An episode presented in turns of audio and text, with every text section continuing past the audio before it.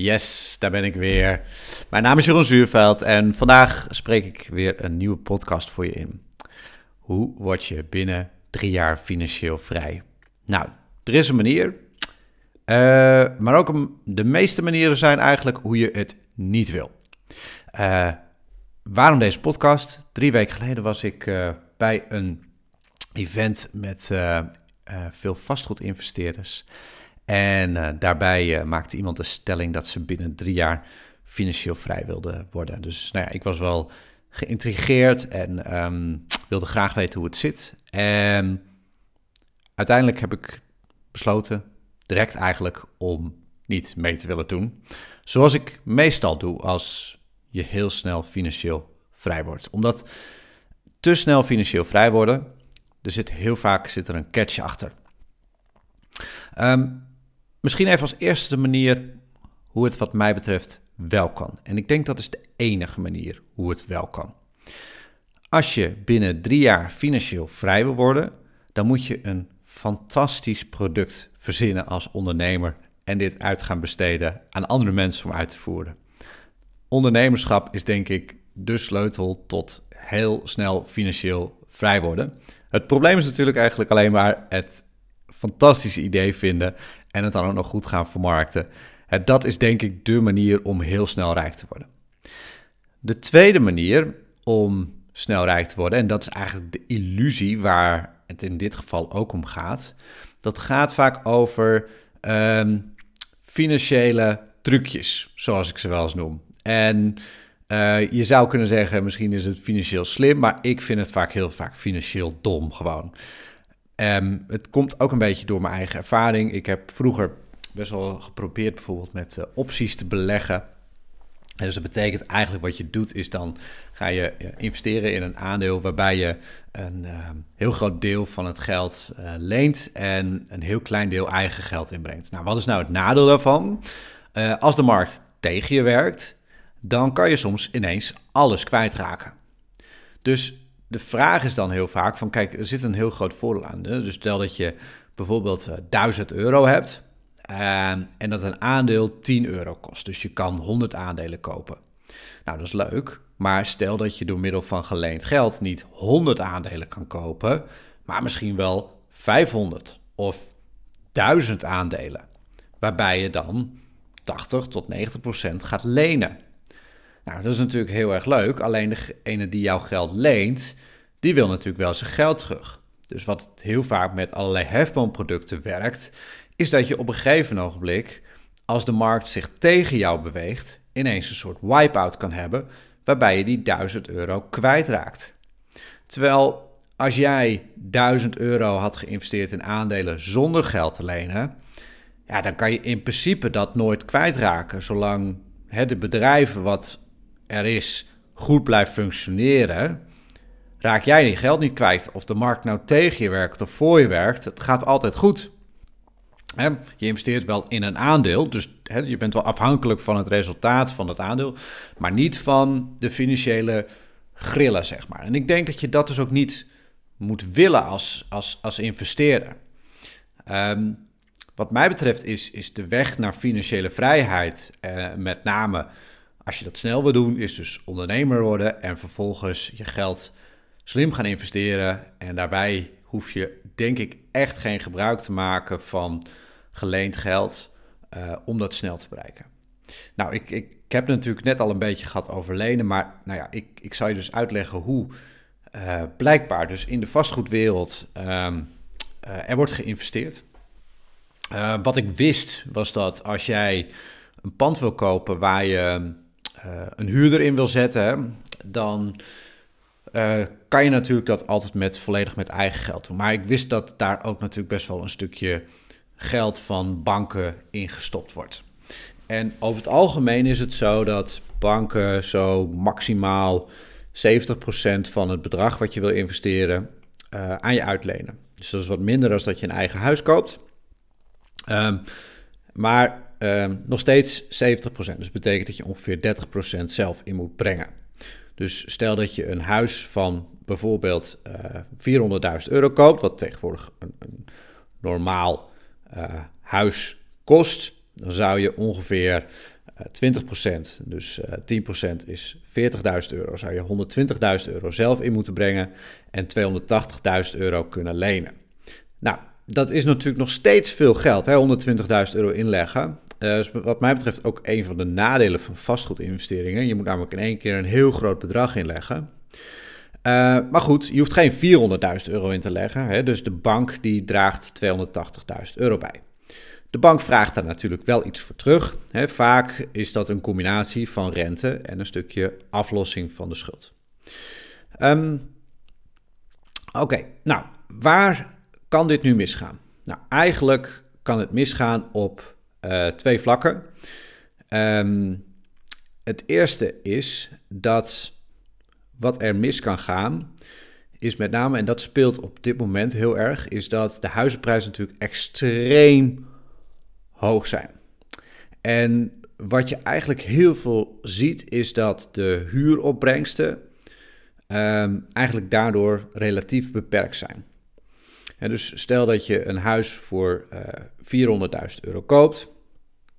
En uh, laten we zeggen, je krijgt daar 2000 euro per maand huur voor.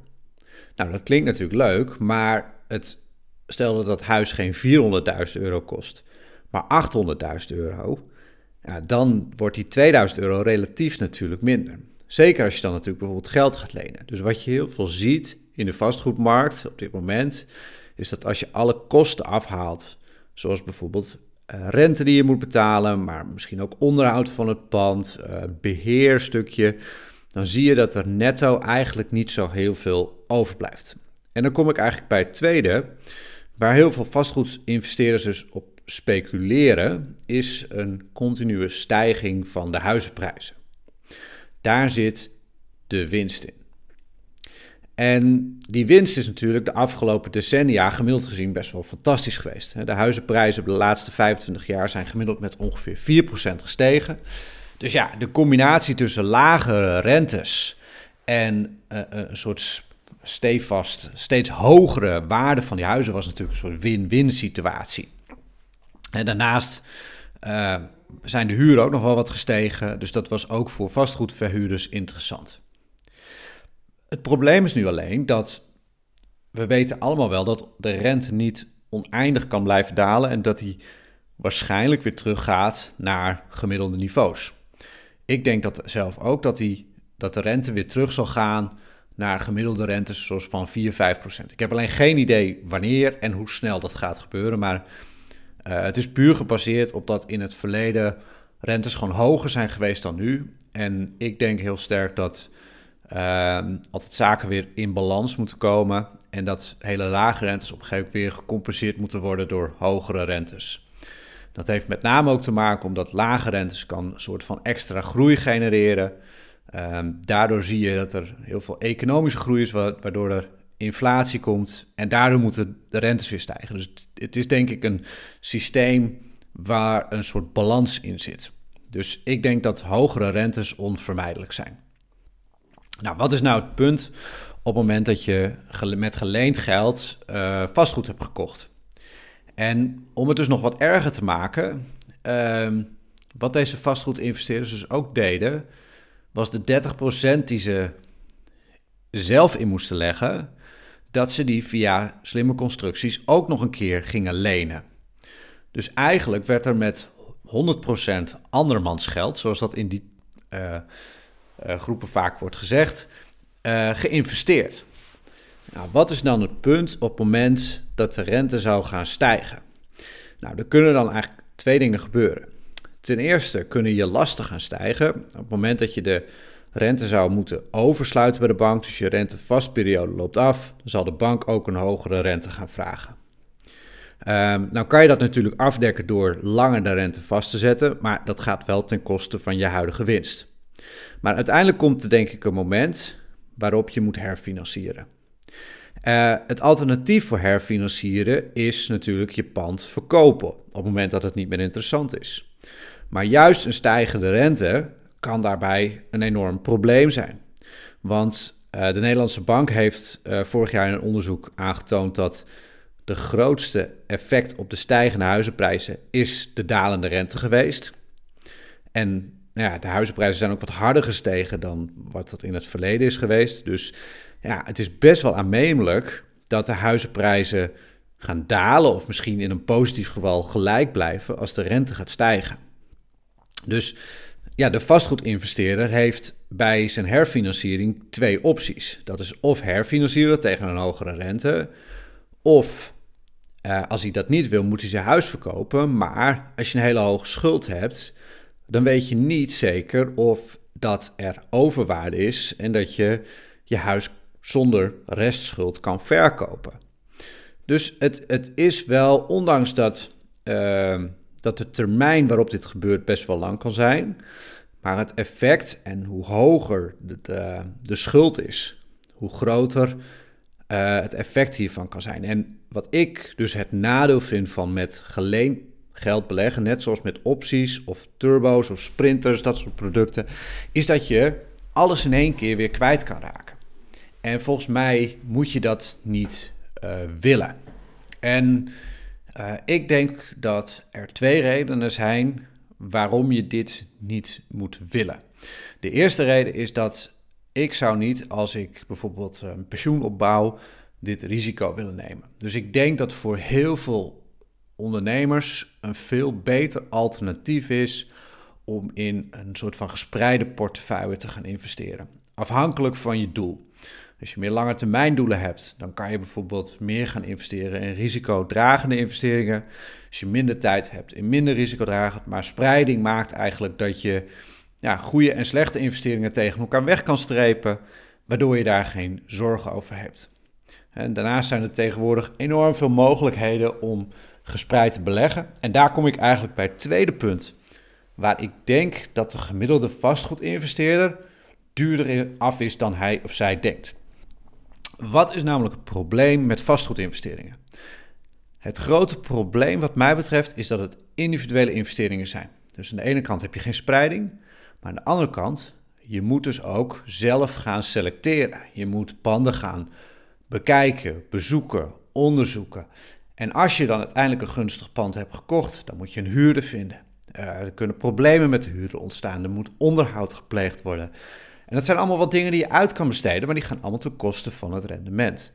Dus het grote probleem wat, wat je hebt met individuele investeringen, is dat je en meer risico hebt en dat het gewoon heel veel tijd kost. En volgens mij is daarom het voor de meeste mensen gewoon geen geschikte optie.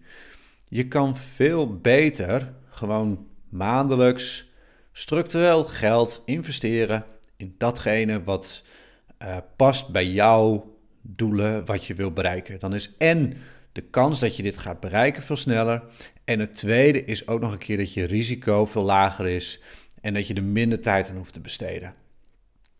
Nou, wil je hier eens meer over weten? Uh, de meeste ondernemers waar ik mee werk, die kunnen eigenlijk in een periode van maximaal 15, 20 jaar allemaal wel financieel vrij worden. De periode waarin je financieel vrij kan worden, heeft eigenlijk te maken met twee dingen. Het heeft te maken met het punt waarop je nu staat. Hè. Ik, ik kom soms ondernemers tegen die, als ze hun financiën beter inrichten, in één keer financieel vrij zijn. Maar dat hebben ze dan eigenlijk al bereikt. Maar ze hebben gewoon nog niet de juiste financiële keuzes gemaakt. Maar stel dat je nog een stukje vermogen op moet bouwen en je gaat slim iedere maand gewoon een deel van jouw inkomen opzij zetten, dan ben ik ervan overtuigd dat je altijd binnen een periode van ongeveer 20 jaar financieel vrij kan worden. Je kan dat versnellen doordat je nou ja, nu minder consumeert, maar meer opzij gaat zetten voor later. En daar moet je denk ik een balans in vinden. Uh, daar help ik klanten dus ook bij om die balans te vinden tussen nu en later. En uh, je investeringen zo in te gaan richten dat je jouw doelen, wat voor jou belangrijk is, dat je dat gaat bereiken. Uh, mocht je meer willen weten over uh, hoe ik klanten help, op mijn website staat een gratis e-book. En dat e-book dat heet Wil jij zelf financieel vrij worden? Zul je zelf bepalen wanneer je met pensioen kan gaan?